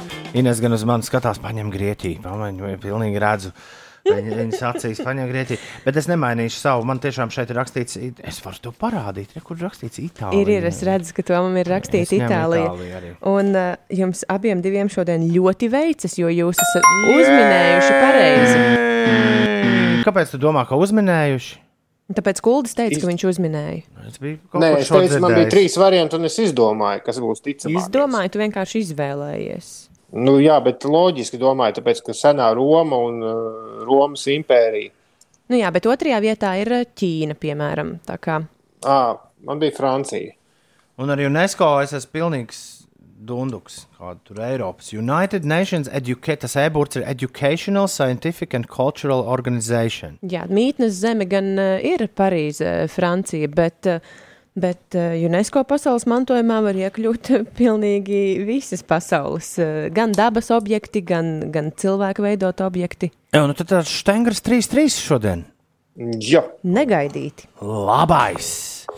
Ir bez Divas 3 minūtēm minūtes 8. prasa- Ir pirmdien Čau, Tom, ko tu 27. labi jūlijas. Siguldā Šī bija? Ineses geogrāfijas spēle! Nokāpa lejā, uzkāpa augšā. Ar bērniem pavadīja laiku un ar sievu. Viss bija jauki. Par to, kā mums, kādas atziņas un kā mums ar bērniem gāja, to, to trešdienās mums ir jauno vecāku rīts, kur mēs rīktīgi daudz runājam par, par manām pārdomām, kas saistās ar jauno vecāku būšanu. Un tā kā Ines un Uldis aizvien tālāk un tālāk attālinās no jauno vecāku lietām, tad uh, es cenšos viņus, cenšos viņus nenodarbināt viņu prātus uh, katru rītu ar, ar šo līdzīgi kā Uldis nepiemin savu motociklu ik rītu, bet uh, dažus rītus sanāk to pieminēt. Piemēram, ar motociklis es noprotu, bija līdz jūrai ticis aizdītajā nedēļas nogalē. Nē, motocikls gan nebija. Motocikls. Atkal, Jā. atkal nepareizi. Bet uh, ir medūzas parādījušās. Paga, paga. Man, man interesē, ka, no kā tu secini, ka mēs ar Ines attālinamies. Nu, gadi skrien kā stirnas, tā teikt. Uh, Vai nu jāpiesienās pie vārdiem, Uldi? Mm -hmm. Pastāsti par Nē, tām nu, medūzām. vajag taču domāt, ko runā. Jā, mums katram reizēm. Jā. Uh, medūzas ir uzradušās jūrā. vai medūzas? Medūzas. Medūzas. Laikam, ka No medus. Ja ir me... No Jā, medus? Nu, taču medus. Kāds medūzām Nav sakars ar medu? ledus, ir ledus. Medūza. Nu, labi. Medus, Uh. medūza, ledus. Nav taču ledus, medūza. Nē, es domāju, ka tur jau arī Medus. jāskatās, kas tālāk par patskaņiem. Jā, jā, seko. jāskatās, kur tu esi dzimis un, un tā tālāk. Nu, ko tur daudz ko stāstīt? Nē, svarīgākais ir tas, ka pie jūras vismaz vakar bija, bet es skatos šobrīd tajā webkamerā, ka šodienai tas laikam neko daudz nedod, bet bija neticami silts. Un bija sajūta, ka saule vēl 6 un 7 vakarā karsē tā, kā reizēm pat pēcpusdienā nekarsē. Wow. Un apbrīnojami daudz cilvēku, nezinu, kāpēc, izdomājuši, ka svētdienas vakars, nu, te jau 6 metīs mieru, bet, bet vakar tiešām negribējās. Es ap 7 apmēram devos projām un bija sajūta, ka nē, ka vajadzētu palikt līdz pat saulrietam. Bet, jā, diemžēl pirmās medūzas, medū. Aizēnoja saulrietu tev. Ja, nē, vienkārši parasti ir sajūta, ka tad, kad tās uzrodas, ka tad ir udens klāt. Ko nopietni? Nu viņi- Tu tik nu, bieži esi ne- redzējis piekrastē medūzas? Jā, katru, katru gadu augusta uh, kaut kad vidū vai beigās ir tur Un tad tu pilns. vairs neej peldēties? Eju. Nav bail? Tas jau nav, tas jau nav tās indīgās. Jā. Viņas nedzeļ, jā. Ah. Šīs nav no tām kaitīgajām. Tur bērni ņem rokās un ko tik vēl. Bet jā, tik agri jūlijā. Es kā vecs jūrnieks neatceros citus gadus, ka tik, tik agri pirmās būtu manītas. Tu kā vecs jūrnieks pieredzējis sauļotājus. Jā. Hmm. Tā kas morāli laikam tāda, ka jāsteidzas. Es nekad neesmu redzējusi. Pagaidiet, klausieties, ar, arī ar to steigu nomierināt, nomierinieties. Nē, nē, nē, nē Kaspiņš, Uldis nebija ar moci kāpās. Vēl pat ne, Bernādu dabas parkā ir ne tuvu, nē. Kaspiņš, šo mēs atrisinājām. Man likās, ka Uldis visur ar moci brauc. Pīsiņš tomēr ir Pīsi- pārliecināts, ka medūzas ir ar šauro. E, medū, Man ir kaut kā liekas, ka medūzas. Tāpat kā Bermudas divstūris ir ar šauro, e, nevis Bermudu. Ir Bermudu divstūris. Nē, Bermudu. ar šauro. Varbūt ne tik ļoti šauri. Bermudu. Be, be, jūs gribat teikt, ir be, Bermudas? Nu jā. Kur ber un, ber un mudas? Ber, bermudas. Ej, nu, ej. Nu, kāpēc šīs Tāpat kā- rīta visi pie ditas liepas? Jā, tāpat kā sen ir ar šauro. Sen ir. Nē. Senos laikos ir senos laikos ir ar plato, bet kad tas notika sen? Labāk pastāst, kas tev ar mikrofonu, re, kur Lauris grib zināt. Nu, Pagaidā, atļauj Uldim padižoties ar viņa latviešu valodas zināšanām. Es saprotu, viņš tā. Nē, man tur vienkārši tās medūzas nedod. Jā, jā, jā, jā. jā. Vineta savukārt raksta, medu, medūzas noteikti ar plato. E. Klausieties, Grēviņa kundzei, piemēram, nedod mieru šorīt Ineses laika ziņas. Nu, nu. Nu, tu stāsti visu laiku, ka līs lietus. Grēviņa kundze maz bālīti ir plānojusi uztaisīt ar divu metru distanci cēšanos šovakar dārzā. Pirmkārt, es par laika apstākļiem esmu runājusi tikai vienreiz šī raidījuma laikā. Otrakārt, Ne, nu labi, to darīja arī tas, kas Ziņu man ir cilvēce. rakstīts, ka galvaspilsētu var skart kāds lietus un negaisa mākonis. Simtprocentīgi tas nav apstiprināts, bet nu, ar laika apstākļiem jau ir tāpat kā ar bitēm. Nekad neko nevar zināt. atjaunojot informāciju. Izskatās, ka ap 7, 8 vakarā var dažas pilītes nopilēt. Nu. Šobrīd. Bet es domāju, ka tas lietus nebūs eh, tik eh, milzīgs, lai ietekmētu kaut kādu dzimšanas dienas plānus. Es ceru, ka tiem, kuriem ir plāni, vajadzīgi šo dzirdēju. Jo savādāk te atcelšot un es ko vēl darīšu. Jā. Kas, Lai mums kas ir miers par?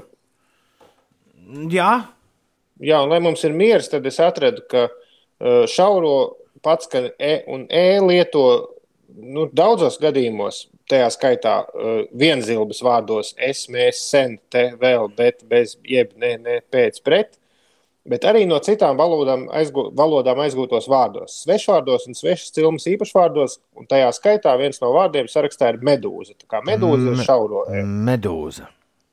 Jā. Gan arī 40 gadus nodzīvoja ar medūzu kopā. Bet mūsu nu, tā- Labrīt, klausītāji. Vineta un Iveta raksta, ja seko platināta skaņa, tad medūza ir ar plato e.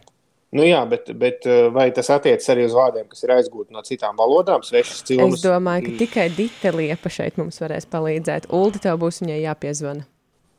Rīta Liepa ir valodas konsultants, ar kuru mēs sazināmies ik ar reizi. šauro e vārdā. Dite. Dita, citu. jā, Dita Liepa ir, um, ir, ir cilvēks, kurš izšķir visus šos strīdus. Tas ir to svarīgi zināt, jo savādāk uh, nav īsti skaidrs, par kādu diti šeit tiek runāts. Milzīgs, tumšs, zils mākonis virs dienvidu tilta. Vajadzētu būt gāzienam, raksta Agris. Nu, paskatīsimies, paskatīsimies, kas te ar tiem gāzieniem būs vai nebūs. Ir pirmdiena, 27. jūlijas, ir 13 minūtes pāri astoņiem. Labrīt! Cēlies augšā, turpinās vasarā!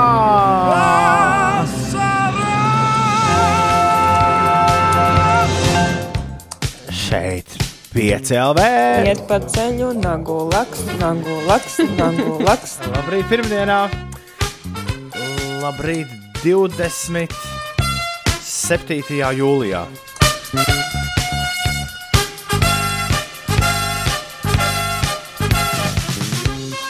Tā, šodien neaizmirstam apsveikt Ditas, Martas un Ditas vārdu svētkos. Laurai Grēviņai sveiciens dzimšanas dienā. Dāmai no reklāmas nozares, kas tagad ar maratoniem nodarbojas Ulrikai Plotniecei, arī dzimšanas diena.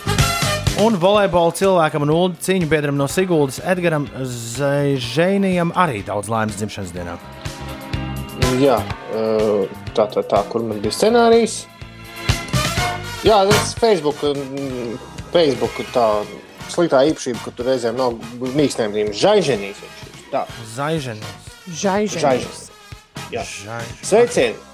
Sveicieni Normandam Nāmniekam, arī manam Siguldas cīņu biedram. Sveiciens Andrim Dubovam, kurš kādreiz trombonu kopā spēlējām. Un sveiciens Jānim Puķītim no Latvijas radio Big Band saksofona grupas.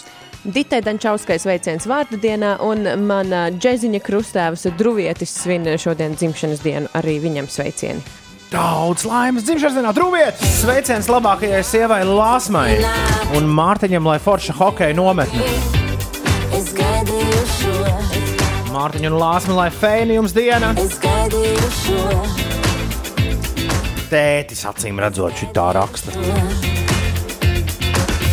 Paskat, paskat, Ulu, vai tu redzi, kas atsūtīs Nē. SMS? Un paskaties! Paskaties, mūsu vecais labais draugs Tūmis ir atsūtījis SMS. Hei, hei, hei, esmu atpakaļ ar pilnu jaudu darbos pēc rīta. Lai visiem darbīga diena, kam atvaļinājums, lai pēc saule un smaicerot ar seju un atpūtu, pārņem katru jūsu šūnu fēnu dienu draugu. Tā Tūmis raksta un Uldis lasa no mājām, tāpēc atkal neritmā SMS. Normāli, normāli, normāli. Skanēja diezgan normāli. Čau, eterbiedri! Etera Čau, cilvēki! čau! Čau, Wolf! Wolfs ir atnācis ar top 40 ziņām. Artis Volfs savu auto mazgā vidēji trīs reizes gadā. Taču valsts svarīgāko hit parādi Latvijas top 40 viņš vada 52 reizes gadā. Latvijas top 40. Svētdienās, 5. pēcpusdienā, 5 LV. Čau, čau, čau, čau, čau, pieci rītī, te Harts Volfs un Latvijas top 41. desmitnieks šonadēļ izskatās šādi. Latvijas top 40. Uz leju par divām pozīcijām Surfaces ar Sunday Best. Mīnus 5 vietas Dababy un Roddy Riča Rockstar. Astoņi, Uz leju par divām pozīcijām The Weekend ar Blinding Lights. septiņi, Uz augšu par desmit vietām Jasons Derulo un Josh 685 ar Savage Love. seši, Plus trīs pozīcijas Topic un A7S ar Breaking Me. pieci, Vietas saglabājas St. John un Roses. četri, Plus septiņas pozīcijas Regard un Ray ar Secrets. trīs, Vietu saglabājušas Lady Gaga un Ariana Grande Rain on Me. divi, Pagājušās nedēļas numur viens, šonadēļ numur divi - Surfmesa un Emilija ar I Love You Baby. Un pirmajā pozīcijā ir Harry Styles ar Watermelon Sugar. Latvijas top 40, numur viens. Es teikšu, jums atklāti, es biju tik ļoti pārliecināts, ka pirmajā vietā joprojām ir I love you, baby. Es arī biju gaidījusi to. Kā Watermelon Sugar mēs jau šorīt pakāpām uzspēlēt. Un tu šokolādē! Nē, Ko tu tur plēsi? Sajūta, ka tas nebija pie manis. Ar kaķiem spēlējies. tas bija pie tevis. Labi, tā kā Watermelon Sugar mēs jau dzirdējām, nekas cits mums neatliek kā uzlikt dziesmu numur divi Latvijas hitparādē, Latvijas topā. Un tā joprojām ir dziesma, kas katru pirmdienu skan šajā laikā ēterā. Mieru, tikai mieru. Šī dziesma ir numur divi Latvijas oficiālajā hitparādē. Tā vakar vakarā Ārts Volfs ziņoja. Inesē pa vidu tur jaucās vēl vīriņš. Šodien noskaidrojām. Surf mēs ir otrajā vietā, Watermelon Sugar High ir pirmajā vietā. Apsveicam līderus un gaidām izmaiņas. Iespējams, jau pēc nedēļas. No manis reiz! Subscriptum. Ak, mēs subscriptu. Tā!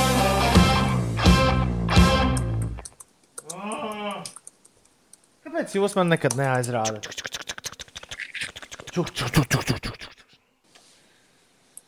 Oh. Man vienmēr šķiet, ka tam ir domāti ēteru biedri, ēteru cilvēki. Lai reiz pa reizei tam diskžokajam iesistu pareizo izrunu šim Bet kā ir pareizi? subscriptum. Ah, nu re. Tam jau ir. nu, Kam negadās? Vai tomēr subscriptu? Ak, Dievs! Ah! Prāta mežģis. Jebkurā gadījumā puikas ir vienmēr ļoti dusmīgi, ka es saucu viņus nepareizi. Bet nu jau es vairs nesaprotu, kas ir. Beidzot, šis ir aizgājis tik tālu, ka man nav vairs ne jausmas, kas ir pareizi un kas nav pareizi. Uldi pieraksta darāmo darbu sarakstā, piezvanīt arī puišiem no subscriptum vai, vai subscriptum. Ir div- Ir 2020. gads, viss ir sagājis pilnīgā sviestā. Mēs gaidījām Kanija Vesta jauno albumu piekdienu, un ko mēs tā vietā dabūjām? Taylor. Swiftas jauno albumu.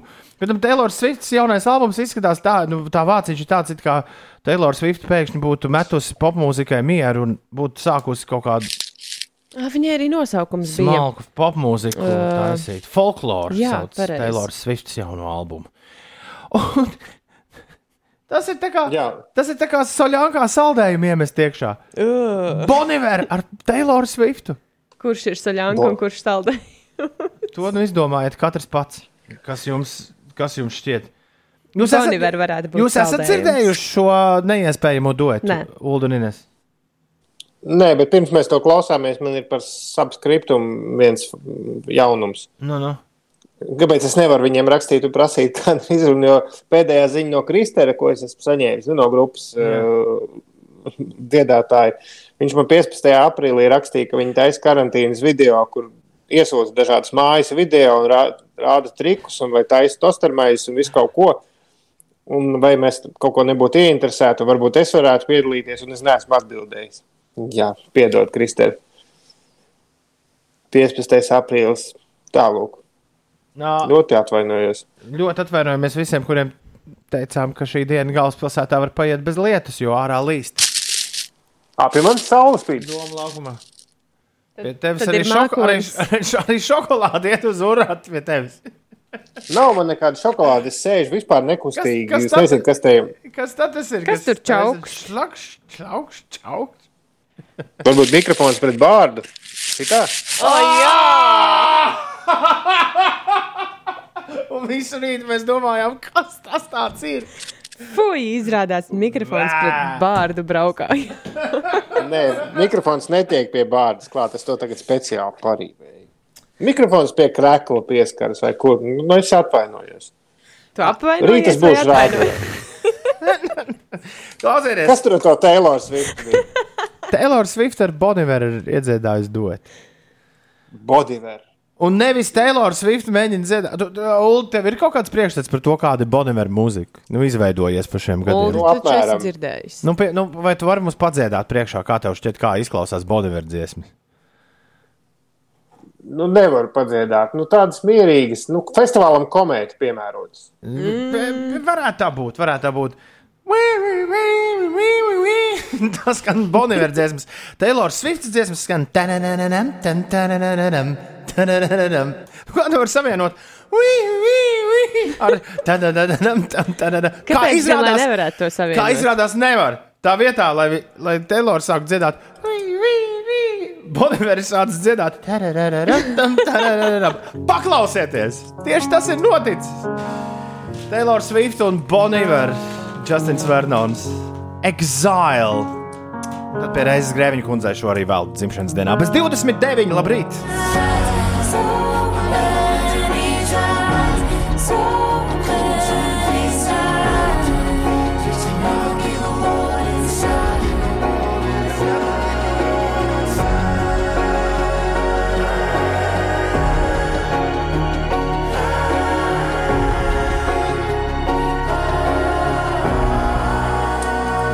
Visu šo gadu laikā es nereizi neesmu redzējis, ka Ines tik uzmanīgi kaut vienu dziesmu noklausītos kā šo Taylor Swiftas un Boniver duetu Exile. Nu, pirmkārt, man patīk Bonavera mūzika. Un es gan drīzāk teiktu, ka tas meldiņš tomēr bija vairāk Bonavera stilā. Nu, labi, viņš dziedāja vairāk pats nekā parasti, bet uh, kopumā man patika. Mm, jo, Nu, nu, 2020. gada jūlijas pierakstīt. Laiks, kad beidzot Justins Vernons kļuva bagāts. Joks ir tajā, ka Boniver ir kaniečoms. yeah. Tā kā ja šis viss ir, kā Ulas izvirzījis sazvērestības teoriju, gājiens pret kanjē jau no plati, tad, um, tad uh, jā, interesanti, ka iesaistīti ir tie cilvēki, kas stāv pa vidu. Jūs, jūs taču zināt, dažreiz, ka izšķirs cilvēki, viņiem paliek nu, kāds draugs, kas ir abās pusēs un abās frontēs, un tad viņš arī pēkšņi nezina. Kur Piemēram, kur līgot? jā, pie viena Jā. vai pie otra. Boniver esot jau pagājušajā gadā augustā pateicis, ka viņam ar kaņiem vairs nav pa, ce pa ceļam. Jā, nu, redz, viss kārtībā. Vairs Bet vispār ar kaņiem bēdīgi. Viņam tiešām ir kaut nu, nopietnas uh, psihiskās veselības problēmas. Nu, tā vismaz spriež ļaudis, jo, jo viņš tur atkal bija satvītojis visu kaut ko par to, ka viņa sieva tur Bet viņa sieva arī pēc tam mazliet skaidroja tās uh, problēmas. Vai uh, Katrā ziņā tas vairs, vairs nav smieklīgi. tu vari Ulu atbildēt? Tas arī nav smieklīgi. Ivēt, prasa, kāpēc Ulas atkal nav studijā? Mēs jau atbildējām. Tāpēc, ka mums bija jubilejas pasākums, pēc kuru, kurā visa tehnika bija savest uz radio, tā kas man bija mājās, un Inesē bija mājās. Un tad, kad no festivāla vācām nost, tad bija jau tik vēls, ka mēs šo te tehniku nedabūjām mājās. Līdz ar to es esmu kaut kā nebūtu ar handsfree pieslēdzies, bet Inesē tehnika būs rīt. Vienmēr sakot, mēs joprojām trijotā nedrīkstam būt šeit studijā. Jā. Palmā, botāniskajā dārzā bija tik milzīgi, ka mēs tur varējām ļoti skaisti būt divu metru attālumā viens no otra. Tur vispār bija forši. Rakstīt iesniegumu. Lūdzu, turpmāk Latvijas Rādio 5 pārcelt permanenti uz visiem laikiem. Palma- studiju, jā. Uz Palmā.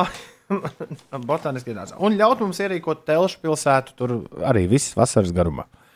Jādomā, ko ziemā darīt vienīgi. Un ziemā da- daži jau vasaru nepavalk. Dod, pi... Dod pieci arī tur varētu būt brīnišķīgs. 8,47. Labrīt! Pirmdienas rītā. Ines, pastāsti, kas notiek? Kamēr eh, daudz vietā pasaulē, arī pie mums Latvijā, tiek ievēroti dažni dažādi eh, drošības pasākumi saistībā ar eh, Covid-19 pandēmiju, ir eh, vietas, kur tomēr šos eh, nosacījumus neievēro. Piemēram, piemēram Ungārijā. Ungārijā ir sarīkota spānakts, kurā piedalījās simtiem cilvēku. Epidemiologi kritizē pasākumu rīkotājus, jo tā laikā nebija iespējams ievērot sociālās distancēšanās pasākumus un pieauga arī inficēšanās risks. Ungārijas mēdī vēst, ka naktī no sestdienas uz svētdienu visā valstī bija atvērti vairāki desmiti kurortu, pludmaļu un spā centru, un apmeklētājiem bija sagatavotas īpašas izklaides eh, programmas. Cerams, ka um, tur būs viss eh, kārtībā. Par laikapstākļiem šajā nedēļā visas nedēļas garumā Latvijā gaidāmi lietus un negaisa mākoņi. Trešdien atsāksies gaisa temperatūras pazemināšanās un vēja pastiprināšanās.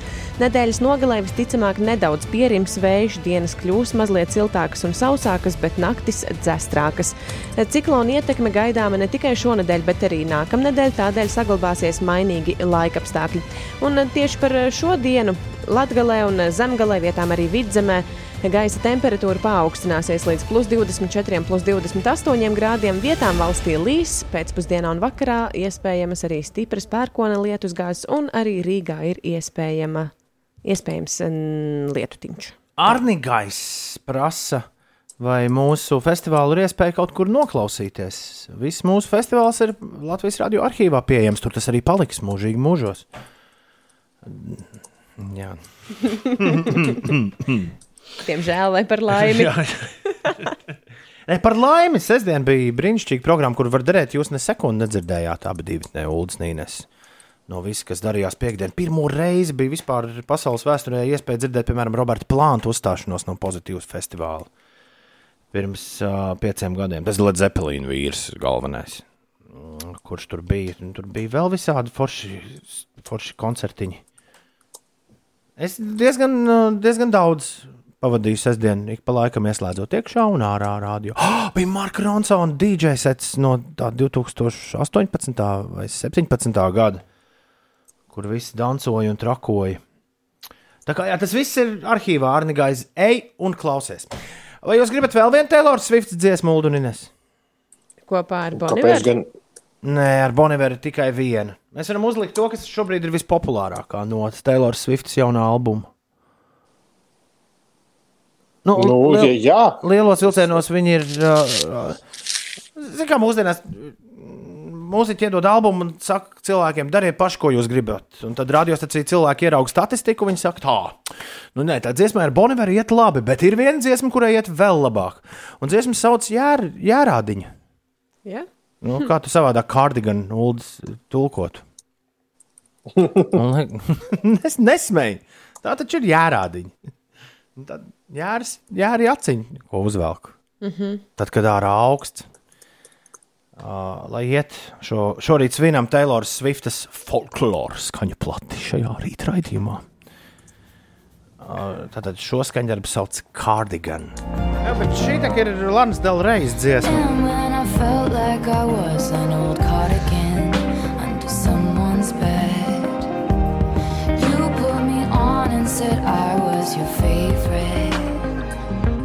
Taylora Swifta Cardigan bez piecām minūtēm deviņos, pirmdienā, 27. jūlijā. 5 LV! Labrīt! Uj, uj,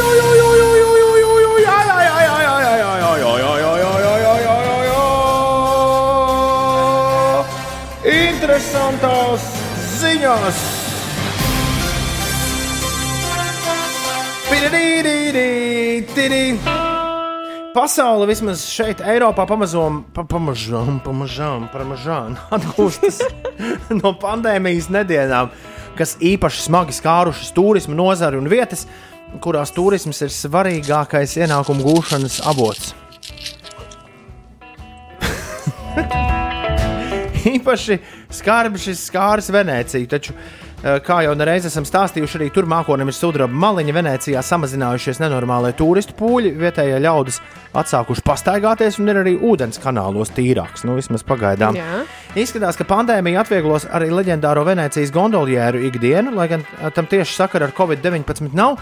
Vienkārši tagad ir labs mirklis, kad ievies dažādas izmaiņas. Venecijas pašvaldība pieņēmusi lēmumu samazināt vienā gondolā pārvadājumu turistu skaitu no 6 uz 5. Tāpat samazināts pasažieru skaits arī lielajās Daparāda gondolās. Tur turpmāk 14 pasažieru vietā varēs sēdēt vien 12. Un šis pamatīgi atvieglos dzīvi gondolieriem, jo daudz sūdzas, ka apmēram pēdējo desmit gadu laikā turisti kļuvuši daudz resnāki. Un reizēm gondolās lielā svara dēļ sasmeļas ūdens, kas apgrūtina to vadīšanu. Tam citu interesanti, lai kļūtu par vienu no 433 gondolieriem, kam izsniegtas licences darbam Venecijā, un vēl 186 rezervē, un gaida, ka kāds Aha. noplīsīs jā, no šīm. Ir jānokārto ļoti smags un sarežģīts eksāmens. Vēl licences drīkst nodot mantojumā no tēva dēlam. Šis ir lieliski. Uh, Gondolieru pasākums ir pieejams ekskluzīvi tikai un vienīgi vīriešiem, lai gan šo tradīciju 2010. gadā satricināja 24 gadus jaunā Džordža Boskolo, kas kļuva par pirmo gondolas vadītāju sievieti, mantojot licenci no sava tēva. Ziniet, kā Itālijā, ja skaļi bļaustās, tad viss kaut ko var dabūt gatavu. Viņi jau nebļaustījās. Nu, Dabūja jau, ka nav- vienkārši. Nu, nu, tu dēlam jau pienācis. Ja tu, ne, tu nav dēls, es nav dēls, es tev parādīšu, kurš te nav dēls. Varbūt viņš bija vienīgais bērns ģimenē. Droši vien. Ir redzēti dažādi nepareizi sejas masku nēsāšanas veidi, un arī mēs šeit, piecos rītos, esam diskutējuši, kur ir labā, kur ir kreisā puse, un kur augšā vai apakša. Taču kādam londonietim izdevies pārspēt visus. 32 gadus vecais Tims Šīfs, bijušais Ninja Warrior dalībnieks. Ninja Warrior ir kaut kāds realitātes šovs, Ulu. Jā, Kaut kas, jā, kaut kāda spēle. Jā, Tims Šīfs ir devies pastaigā pa Oxford Street, pilnīgi kails. Dažas intīmākās ķermeņa Daļas. vietiņas, jā. Paslēpjot aiz vienreiz lietojamās sejas maskas, uzvelkot to apakšbikšu vietā. Šādi viņš vēlējies paust protestu pret uh, Lielbritānijas valdības noteikumiem, kas paredz masku nēsāšanu publiskās vietās. Jautājums, vai viņš masku bija uzvilcis ar pareizo pusi uz āru un izmantoja arī to stieplīti, kas paredzēta, lai masku nostiprinātu. Nu, pie parasti pie deguna. Nu, tas vēl ir labs jautājums, vai tas tā bija vai nebija. To mēs neesam tik labi tajā bildē ieraudzījuši. Ilmā- Ilmārs ir pārliecināts, Ulu, ka tu visu šīs dienas rādījumu ēdi čipšus. Man tas, man tas ar drīzāk šķiet uh, ticamāks nekā, nekā tas, ka tu ar bārdu baksti Nē, mikrofonu. nē, bārta tā nav, bet, bet kaut kur man te vadiņš skrāpējas gar vaigu šitā te vai ne? Nē, tagad nekas neskrāpējas. Uldi! Nu, labi, man diemžēl pat, pat pīrādziņa nebija. Tā kā jūs man berat sāli brūcēt. Ulu, pastāst savas domas par Taylor Swiftu. Viņa ir kļuvusi par bardu. Par ko? Par bardu, par bardu? dziesminieku. Jo dziesmas ir vienādas, bet laikam svarīgākais tajās ir teksts. Ah, Un Man liekas, ka tā dzied nu, visi dziesminieki. ministrē, ministrē. Viņa ir kļuvusi par ministrē. Nu, Viņai vēl tad jāģērbjās arī. jā, jā, jā. jā. Nē, nē, Atbilstoši. es domāju, tā kā Haralds Sīmanis vai, vai Bobs Dilans vai, vai nu, nu, uz tādu pusi. Viņi dzied to, kas viņai sāp, un dziesmas ir vienādas, bet tur tas teksts ir svarīgs. Nu, par to dziesmas vienādas. Jāpaklausās, jā. Tu vienā tumšā vārtrūmē, kad tik uz mums Dilan, Dilanistiem Es nenoraujies. tieši domāju, vai Toms nepateiks kaut ko Uldim par šo no, salīdzinājumu. mīļā nedēļa ir sākusies. Uh, aiziet, skrienam uz priekšu, lai ātrāk tā piekdiena nāk. Tiksimies jau rīt starp 6 un 9. Ew, vai Falks būs attālināts vai nē? Tas ir labs jautājums. Pareizais laiks ir 9 no rīta. Mēs sakām visu labu! Atā! Tā, tā.